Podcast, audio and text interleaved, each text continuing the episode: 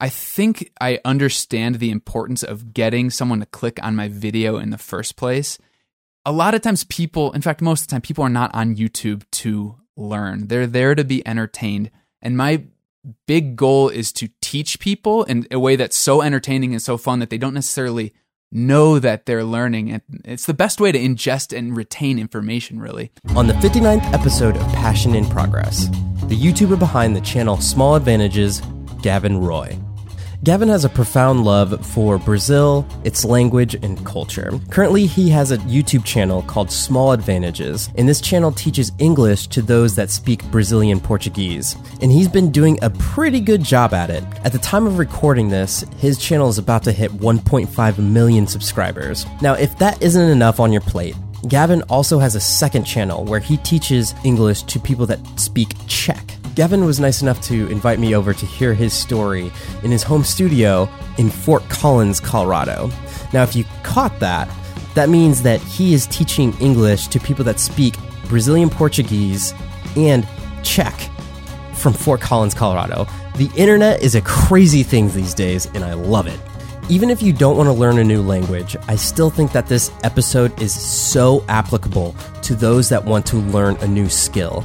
Gavin has had so many life experiences in his journey building his Small Advantages YouTube channel and teaching others English. So I think that there's some global advice that you can garner from this episode. With that being said, if you guys do get value out of this episode, all I ask is that you share it with a friend. You can share it one on one, text message, mail them a letter, whatever it is. If you found something valuable in this episode, please share it with someone. Let's get into episode 59 of the Passion in Progress show with Small Advantages YouTuber Gavin Roy. What is up, Merce Nation? Javier Mercedes here for yet again another Passion in Progress show where we talk to inspiring individuals and hopefully through hearing their stories, you too are motivated to go out and pursue your passions as well. Hopefully, I did not say that too fast because this is an interesting episode. We are talking with someone that teaches English to Brazilian Portuguese as well as people that speak Czech. Gavin Roy. I love podcasts, so I love being on them. I think it's going to be an awesome opportunity for my Brazilian audience to practice their English with us. So, no worries about the fast intro. I think natural English is important give the audience your spiel. Where did you come from? Talk about small advantages, your YouTube channel. Uh, where are you at right now as a YouTuber? Wow, that is a large question. So, my name's Gavin. Uh, I have a background in atmospheric science. I live in Colorado here because I was going to school to get my master's and my doctorate in atmospheric science. But that was starting in 2011. In 2014, I decided I wanted to go to the World Cup with my wife and with five other American friends and the World Cup that year was in Brazil. So I just I decided I wanted to start teaching myself Brazilian Portuguese kind of as a hobby outside of what I was doing in the classroom. And I didn't have a background in languages or anything, but I got to the point where I became the de facto leader of our group down in Brazil when we went there for the World Cup. And not a lot of people speak English in Brazil. Only about 7 to 8% can hold a conversation fluently, as opposed to like 90% in Germany. And I found that to be very true when I went down there, and I was very thankful that I had learned Portuguese. When I came back, I thought, man, I kind of want to continue doing this Portuguese thing. How can I find a way here in the United States? And so I started a YouTube channel just with videos of me babbling with my progress, but I could see my progress month to month.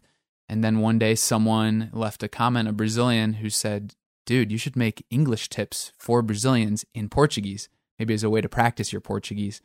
And the first video I made then now has over a million views. It was just about how to use the word it in English. And there's all these little things you don't think about when you are a native speaker of that tongue that cause other people just so many problems. Like when we say it is raining, what is the it? Is it the sky? Is it just a placeholder in the sentence? And so now my channel, Small Advantage, which I created back then, has grown to close to one and a half million subscribers. And it's through these English tips, yes, but also cultural exchanges talking about funny things I've found about Brazilian Portuguese as I've learned it, or interesting cultural differences between Brazil and the US. And I recently started learning Czech, and I created another YouTube channel to document my progress. That YouTube channel suddenly went viral in the Czech Republic. But my original motivation was to motivate my Brazilian audience that you can learn a language even if you don't have a lot of time, even if you're learning another language. Like the excuses that you don't have enough time are poor. It's pretty much you have to decide if the thing is that important to you that you are going to dedicate time to it. And I wanted to prove it with that Czech channel as well. You just said that so concisely. Love it. Was that concise? I Oh, felt yeah, like I was yeah. talking for 10 minutes. Uh, I love it. There's so many places to jump off from there, but can you uh, tell the audience the ratio of people in Brazil versus the people in Czech Republic that are speaking it, and how the subscriber numbers there kind of tell how many people are wanting this kind of content? Yeah, so in Brazil nowadays, I'd say about 10% of people speak English, but there is a huge motivation to learn English. People who speak English earn around 60% more on average per the latest statistics in Brazil. Beyond being able to understand popular culture or travel the world, because when you travel in Europe, for example, the lingua franca, which literally means French language, mm-hmm. is actually English, the language that everyone communicates with each other in. You need English to get the most out of life, I would say. And I think that's the motivation for a lot of people. In the Czech Republic, it's closer to 35 to 40% of people who speak fluent English. And I should mention too, I don't think that one language is better than the other per se. Just what you can do with it is different. And I try to make that very clear how much I value Brazilian Portuguese and how much I value Czech. But right now, my my numbers on both channels, Small Advantages, which is my Brazilian channel, I have maybe one in every 140 people in Brazil follow that channel. And then one out of every 70 people follow the Czech channel, which is called Tady Gavin, um, T A D Y Gavin. But um, and when I say one in every 70 people, that's people living in the country, Czechs or Brazilians. And you live in Fort Collins, Colorado. Here I am. I'm a nobody here in Colorado, but the moment I get off the plane in Brazil or in in Czechia, it's I'm recognized everywhere, and it's it's cool. I think Will Smith has said this before. I think Jerry Seinfeld said this before. Like, it's cool being famous. It's fun, and I love meeting my students. Um, but I also enjoy being a normal guy. I say it on my Small Advantage channel a lot, but I don't consider myself a celebrity, and I love leading like a normal life here, going to the grocery store, and not being recognized here in the United States. So, in my opinion, it's the best of both worlds. The other cool thing is what you're known for. It's for teaching people how to speak English. You're you're you're giving educational content and helping the world advance, you know, and talking to each other and communicating. Can you talk about your process and where were you at in the beginning and where are you at now? Like how does making a video look to you?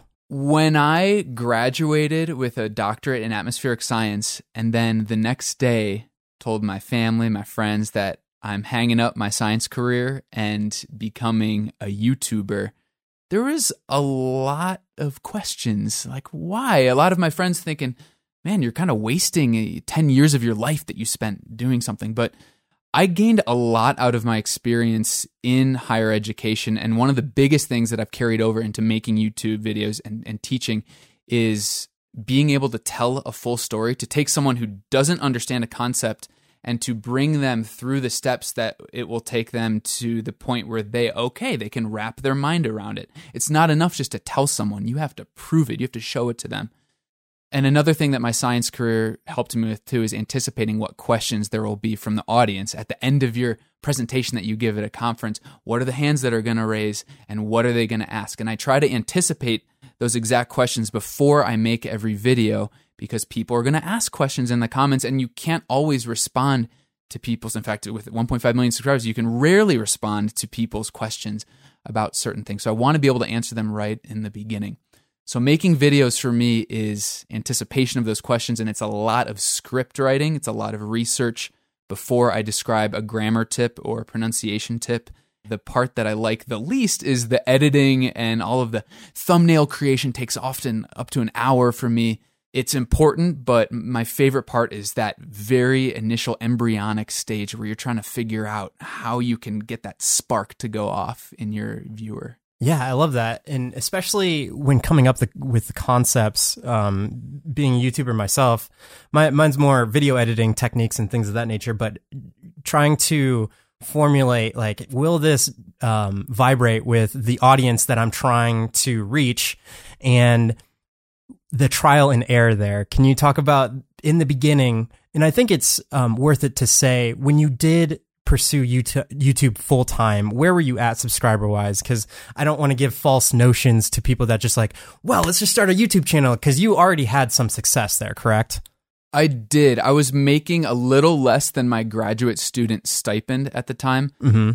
And when my wife gave me the the full go ahead, like, yeah, do it, follow your dream. Um, I it was with the assurance that I gave her that if I couldn't bring my YouTube revenue um, up to where my graduate school stipend was, that I would literally deliver pizzas or I don't do what it takes to to still do what I, am loving with the language education and, and YouTubing and connecting with cultures Mhm. around the globe. And luckily, it happened pretty quick um, that I was able to bring my income up to that and then beyond. But at the time, I had around 300,000 subscribers when I took the leap.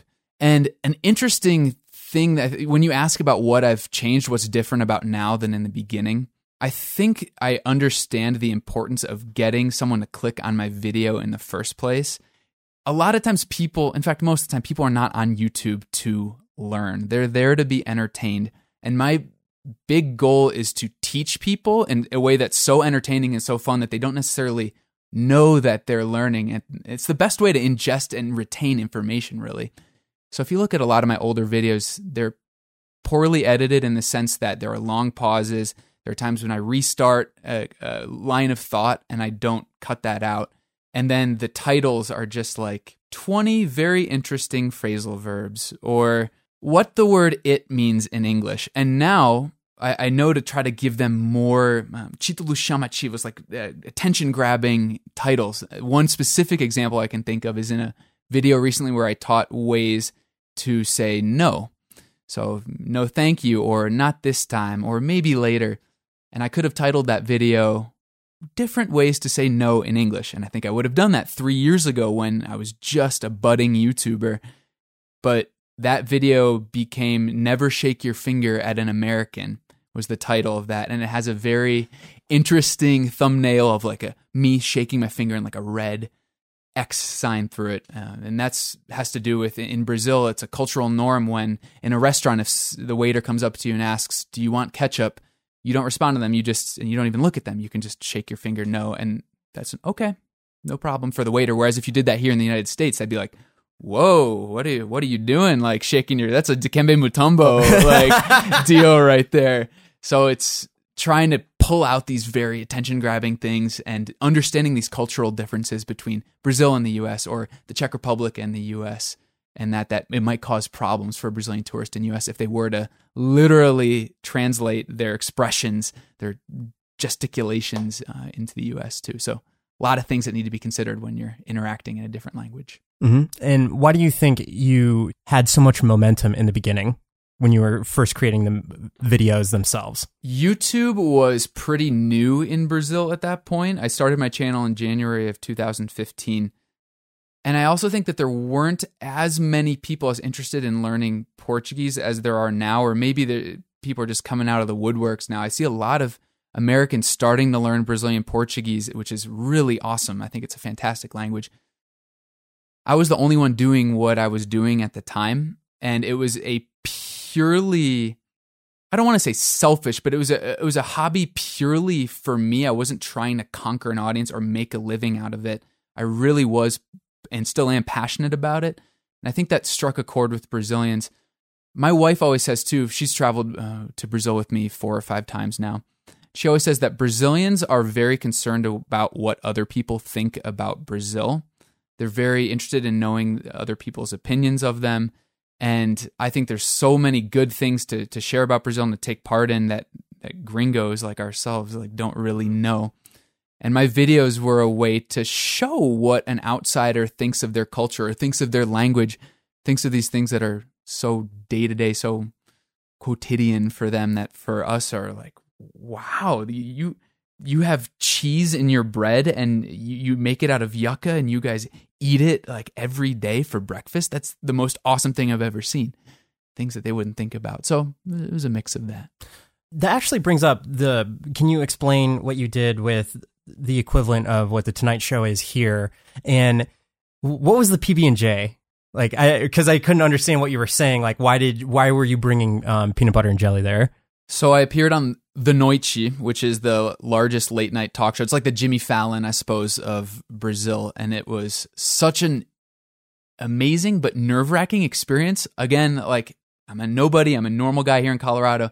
To go to Brazil and all of a sudden be behind the curtains and they open and there's an audience and you're on late night TV with their popular talk show host is it was an incredible nerve wracking experience. Mm-hmm. I in a segment on that talk show, I brought uh, peanut butter and jelly from the United States. You can't really buy peanut butter in Brazil. Ah, okay, that's why. Yeah, when you do find it, it's more for protein for hmm people who work out a lot, but it's not a snack food for kids. So in the same way, this cheese bread, this pão de queijo, is so amazing for Americans that this is such a delicious food that we don't have here in the United States. PB and J's are kind of like that for Brazilians who the, have never seen this flavor combination of salty peanut butter and fruit jelly sandwiched between bread. Like, what are you doing? But every kid in the U.S. lives on those practically growing up. That's cool. I, I assumed it was something like that, judging from the reactions that the host and you were giving. But I was like, oh man, that's kind of interesting that peanut butter and jelly down there is not something down there. Exactly. Talk about your process in learning a language because you recently released a video on your Czech channel that I could understand where you you delved into your process because you've recently quote unquote um, since you were studying Czech or you're still actively doing that um, talk about your process on how you set to learn a language.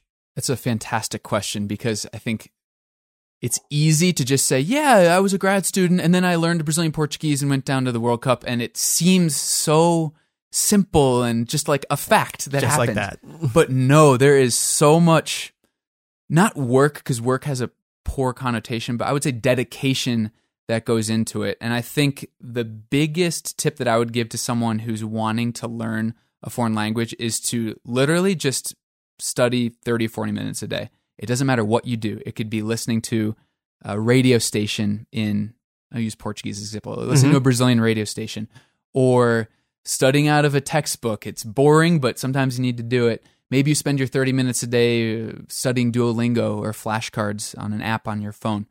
If you have an extremely busy day, wake up 30 minutes earlier and do it. I think this persistence is extremely important. And you're going to know what's best for you a lot of times in your routine and what works for you and how you get vocab words to stick in your head, things like that. But just make sure you're putting in the time. Beyond that, I would say starting to converse as early as possible is good. So looking for native speakers or perhaps tutors, professors, those first conversations are going to be painful. I'm not saying you're going to be fluent by any means, but the goal for most people when they're learning a language is to be able to speak in that language.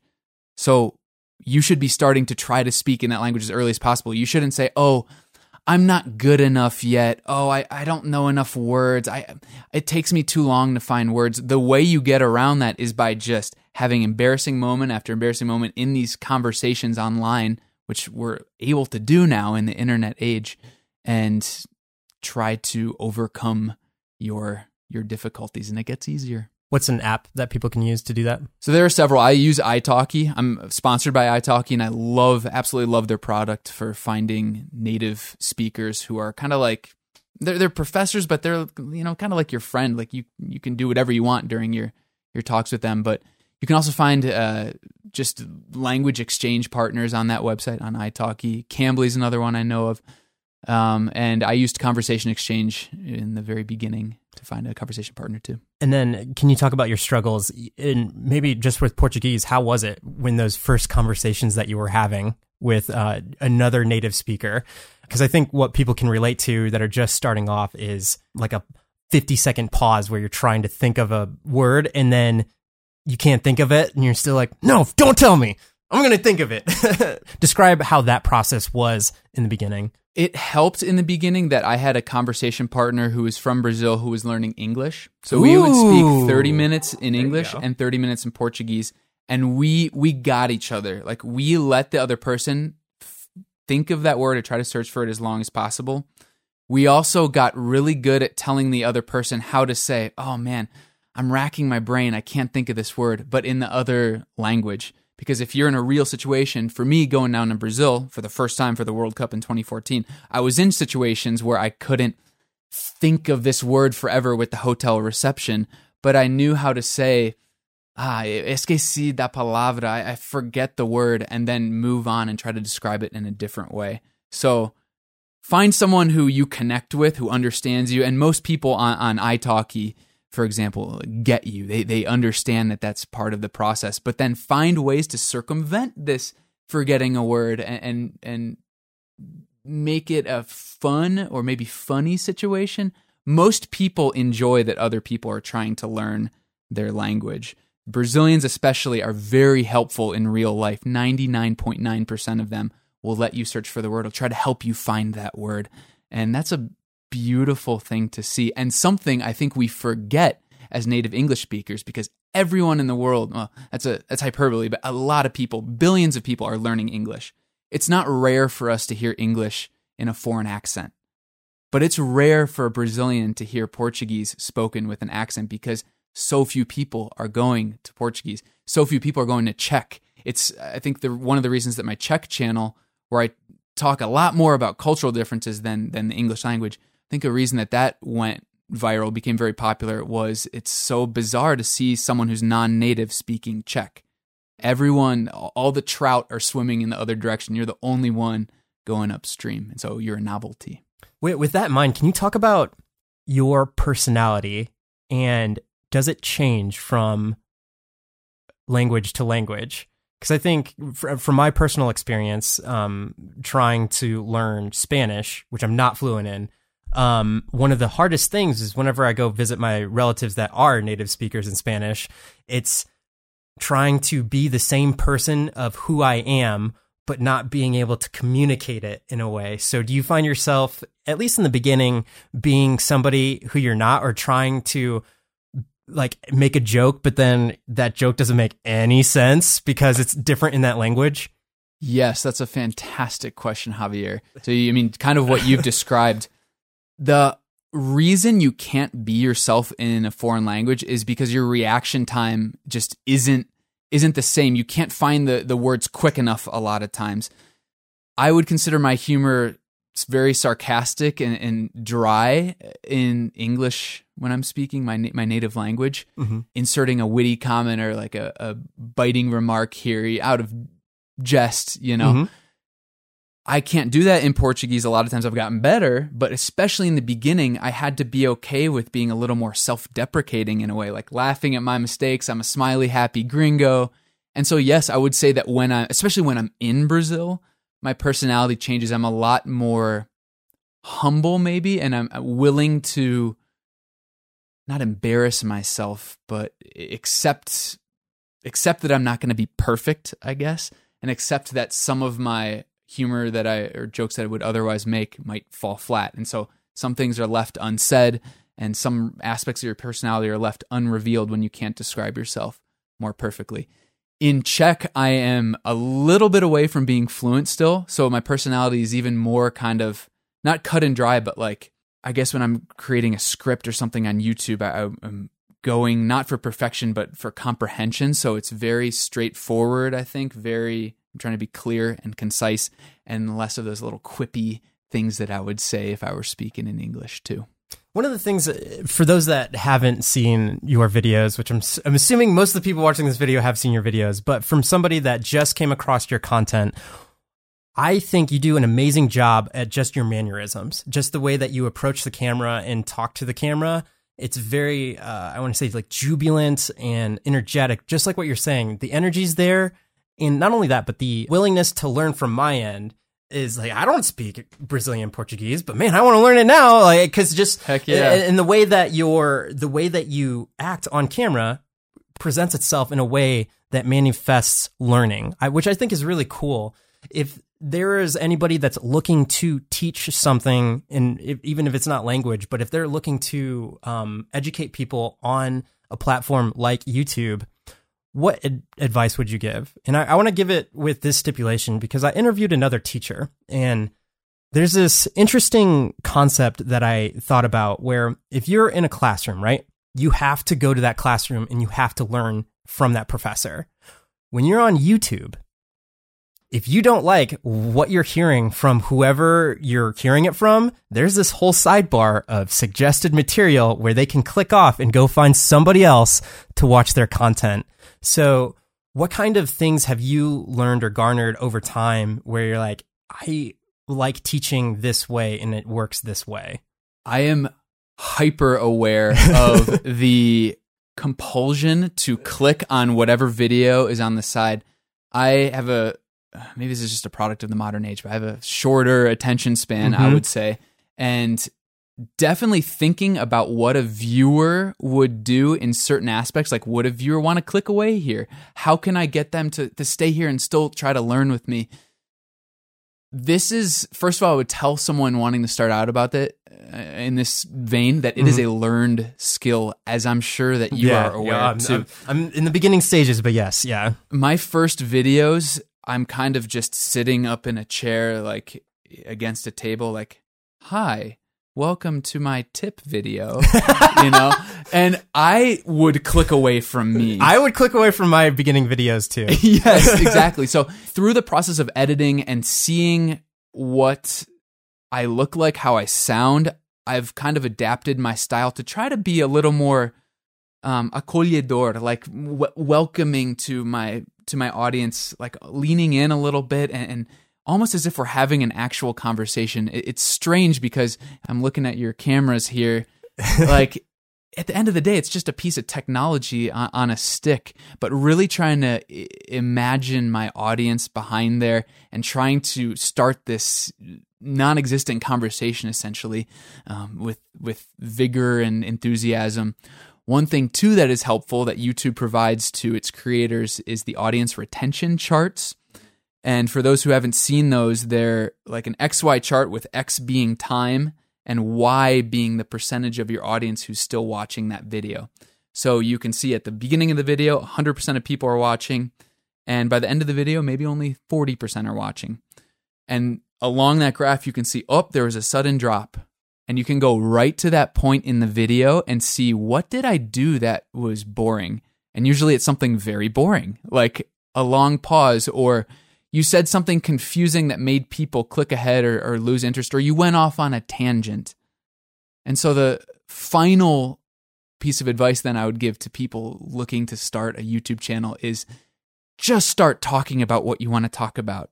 The the old wisdom, at least I remember my teacher in high school saying this is when you have a presentation, introduce it, have your body, and then conclude. And so t- tell them what you'll tell them, tell them, tell them what you told them.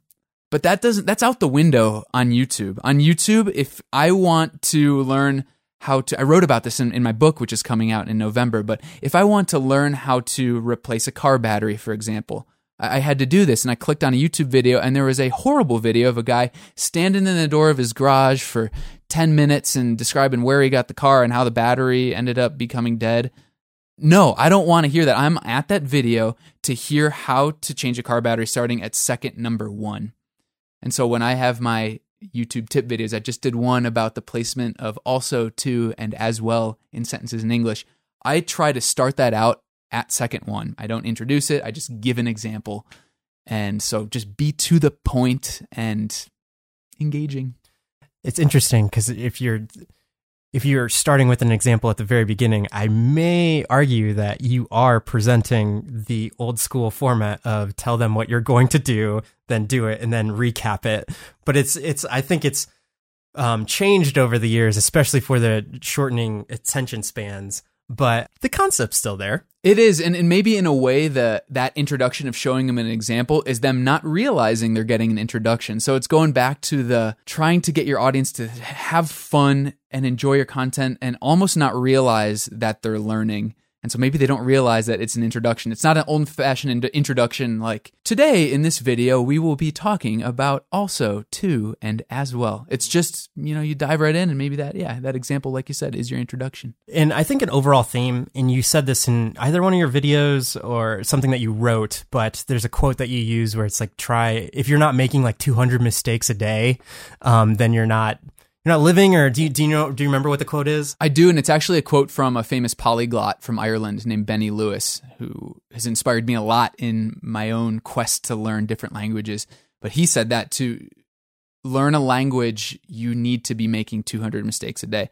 That's why I encourage my, my users to have as many conversations as possible, find as many ways to actively practice their language. Because when you make that mistake, the chances are there's, I should just say, there's a lower chance that you will make that same mistake in the future if you realize that it was a mistake. And where are you going to realize that it was a mistake? It's by speaking with natives or having people review your writing things like that. So you you've learned two languages plus English, obviously. Had your uh, success on YouTube, and you just wrote a book. What is something that was a super failure, or that you really learned from? Like, what what was like one of the hardest moments throughout this journey that you've had so far since graduating?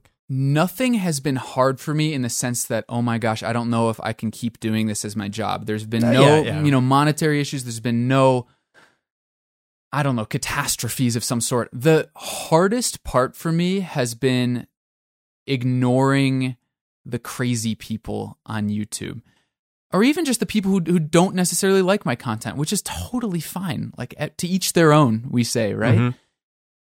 Back in the early days of my YouTube channel, I would post a video and I would get a thousand likes and three dislikes, and I'd be kept up at night. Like, what did I do to deserve those three dislikes?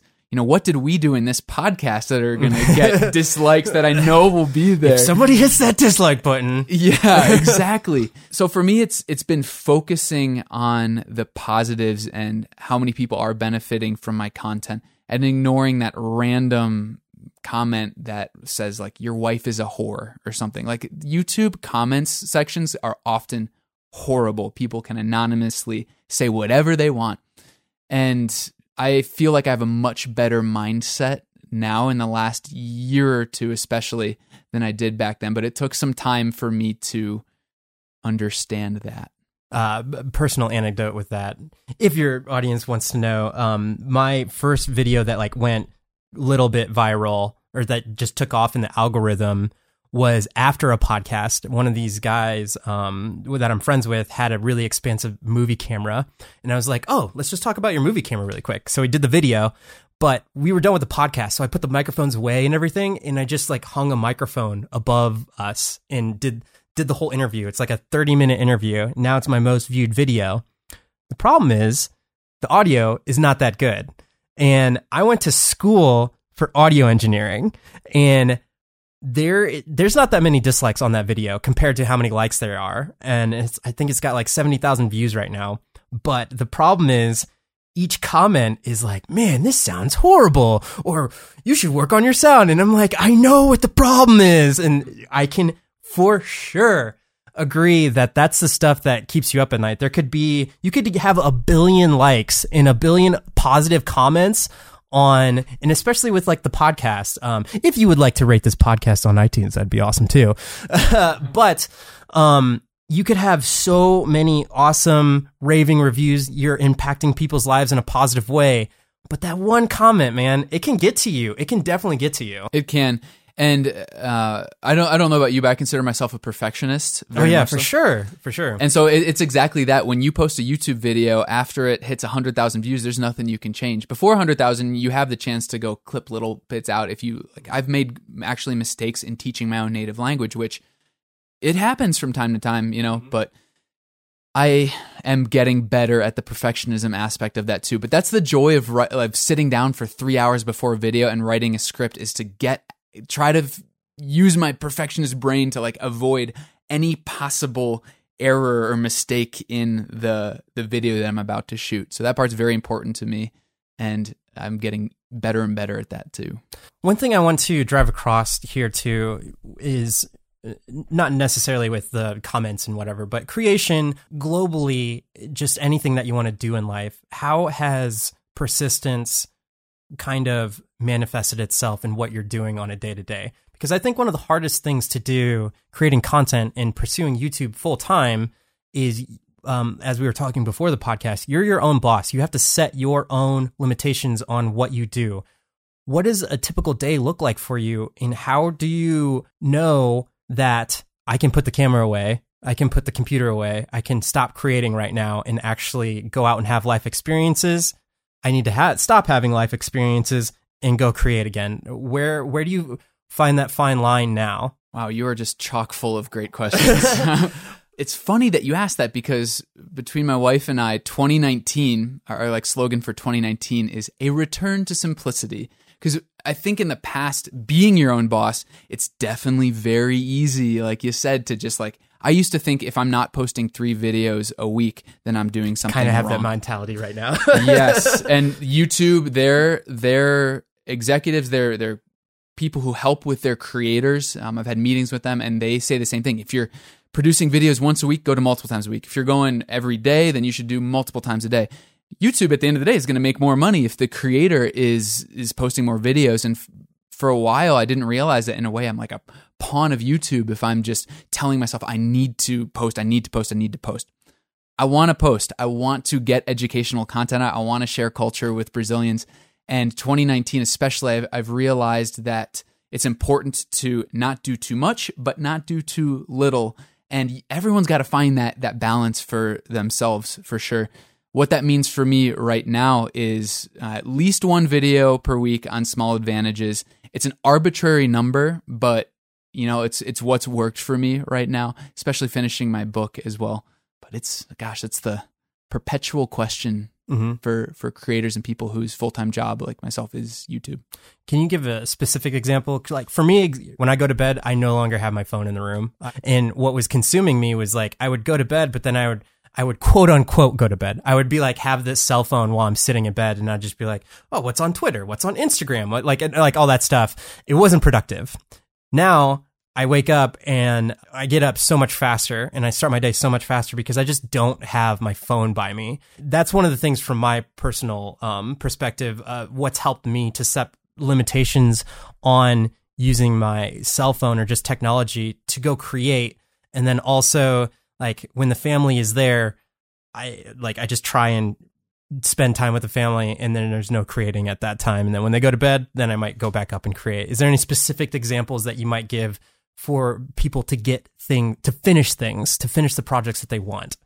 I love that you asked for a specific example because it's easy to talk in abstractions. Yeah, and, yeah. You know, I think I can fall into that sometimes. So, okay, so specifically talking about technology limitations, I mean, I've never been much of a tech guy to begin with, which is the huge irony of me being a YouTuber right now. I think that's a super beneficial to how you've been so successful. it is. It is. I think so. I mean, when I started uh, recording, I was only using a GoPro and I still had a dumb phone. I still had a flip phone back in 2015.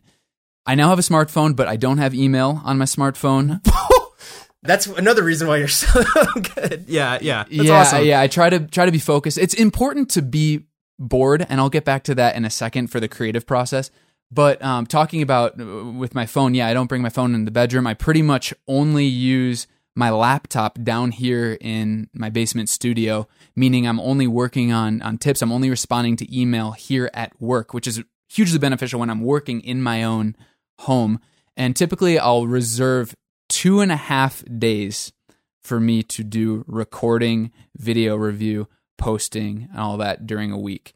The other days, I especially focus on more language learning um, and and returning to what I said about being bored.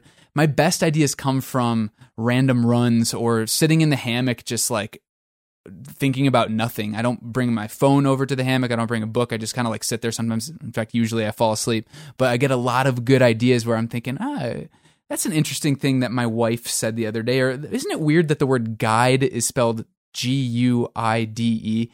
And this tip again about different ways to say also too as well came out of one of these bored moments where I'm thinking, wow, that's kind of just one word in Portuguese, but we use three in English. So talking about successful in terms of creation, it's, it's been leaving technology behind or having a dedicated space for that. I love that, and I it's very rare to meet somebody that doesn't have email on their phone. When back at my old job, there's this new thing called Slack. If you're familiar with it, and what it's a messaging app. Think of it as AIM or AOL Instant Messenger, but for companies. And I just wouldn't put Slack on my phone, and you would get an email notification if somebody messaged you.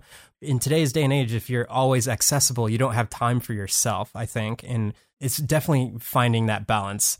And I think you at that point uh, ha- definitely have that. There's other stuff in particular that I noticed in it's your journal. Can you talk about that? Like, because you actually document, like, oh, I did this today, I think, and then um, in the process of what you're doing. Can you talk a little bit about that? So, what you're referring to is the journal that I kept when I was first starting to learn Czech, and I was very aware of how much time was going to each resource. It was, uh, you know, 10 minutes a day for flashcards, 15 minutes a day for this Czech YouTube channel, and 20 minutes a day for a podcast. I would write that. That'd be one log entry, and then the next day, write my log entry.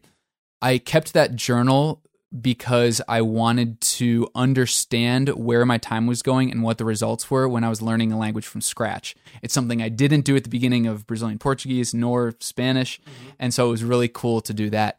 That tactic, though, as, which I started in 2017, has recently really helped me be intentional with my time.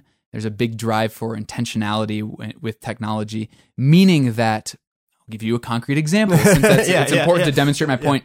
I don't follow anyone on Instagram, or I should say, I follow one one person on Instagram. It's the city of Fort Collins where I live.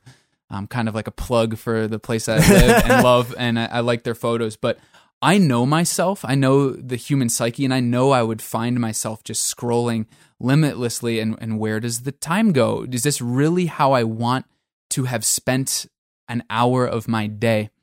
There's a quote about intentionality of your days that I absolutely love. It's by Annie Dillard, and she said, How you spend your days is, of course, how you spend your lives. So if you're not being intentional with your phone usage now, like what, how is that going to change in the future? These companies' drives, Instagram, Facebook, Twitter, is to get you to stay on, on their app. So when we're talking about phones and apps specifically, this focus of intentionality, just like I was documenting the amount of time I spent uh, studying flashcards with Czech it's nice that iPhones, for example, have the amount of time that you spend on, on each app, and you can look at that now. And so just being very aware of what I don't want myself to get involved in and what I do.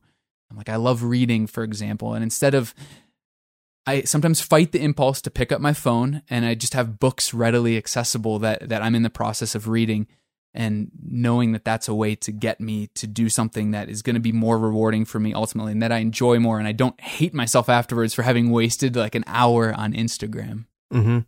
There's uh, an amazing quote, and I think it's I, I put together a um, a compilation of some of my favorite quotes on a podcast. I think it'll be released by the time um, this one's out, but uh, it begins with another guest that I had, uh, Nick Hagelin, and he said something along the lines of the decisions you make from day to day compound over time. And it's like if you want to learn piano, just like you said, having books readily available for him, he's a musician. Um, so he wanted to learn piano. He didn't really know it.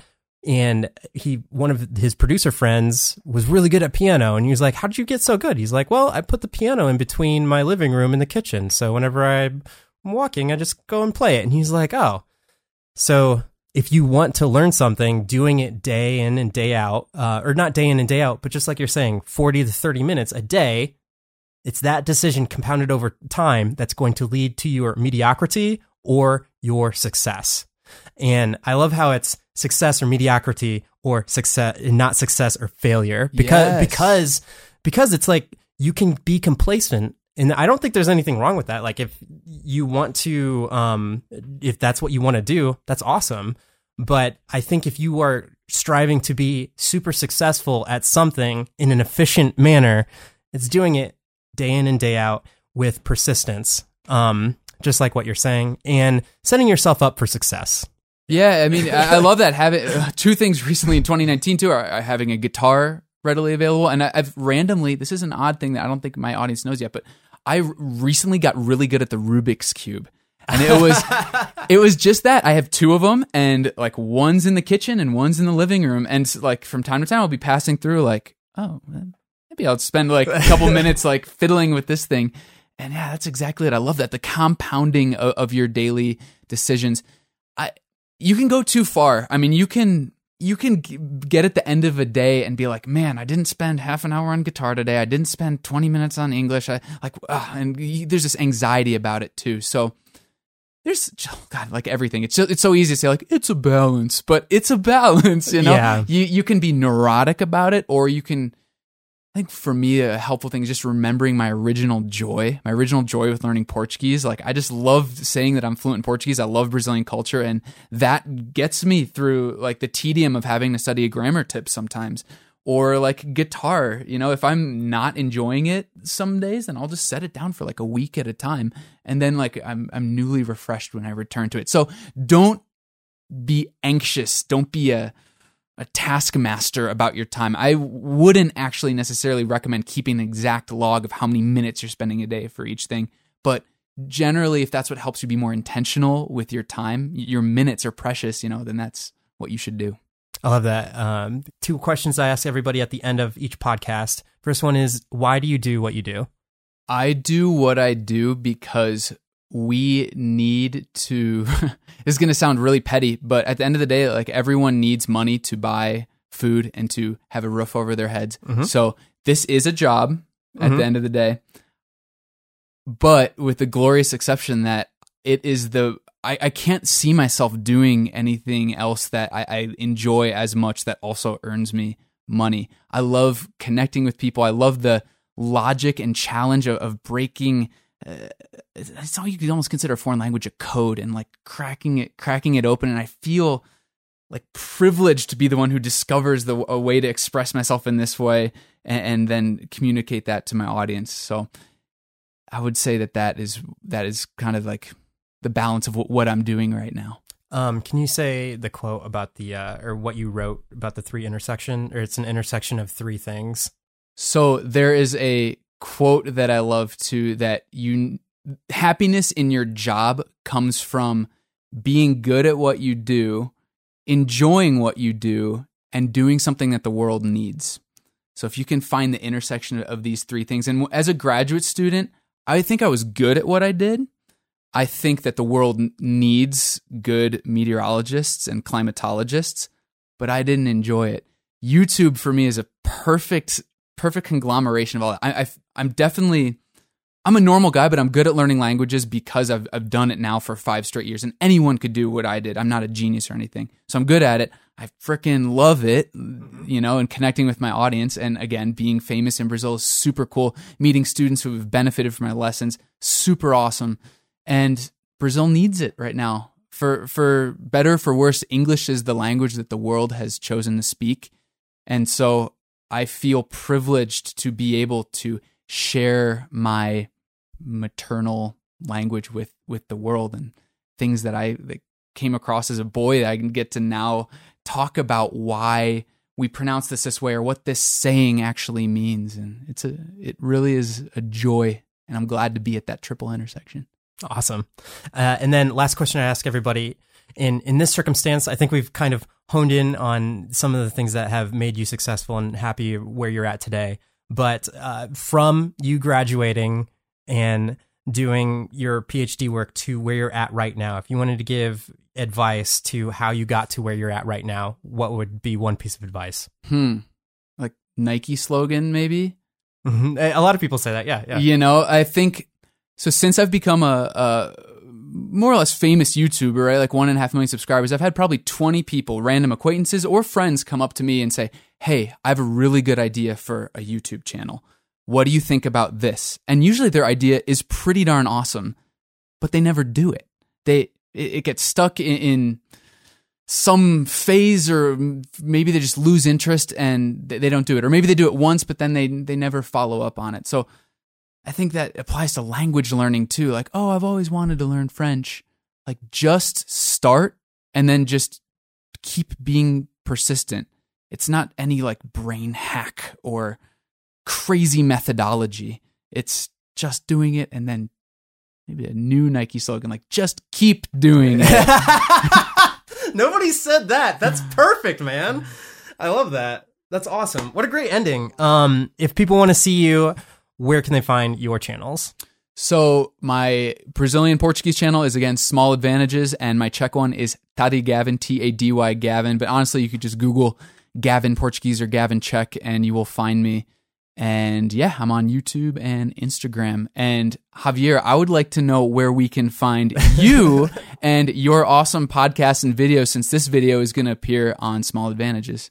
Uh, I am at Javier Mercedes, J A V I E R Mercedes, just like the car on YouTube. And then if you do enjoy this, but you don't have the time to watch the um, the interviews, there is the podcast. So this is a podcast. It's on iTunes. If you want to hear a lot of conversations like the one that we just had with inspiring individuals and just hear their story. And for me, it's kind of selfish because I just get motivated, like learning from different people's perspectives on how they've become successful at where they're at.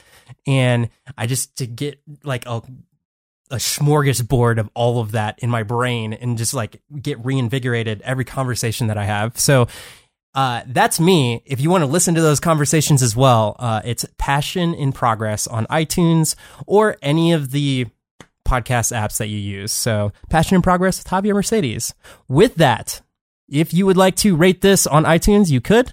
And until next episode, thank you so much for your time, Gavin, and live a life of abundance. And I'll see you guys on the next one.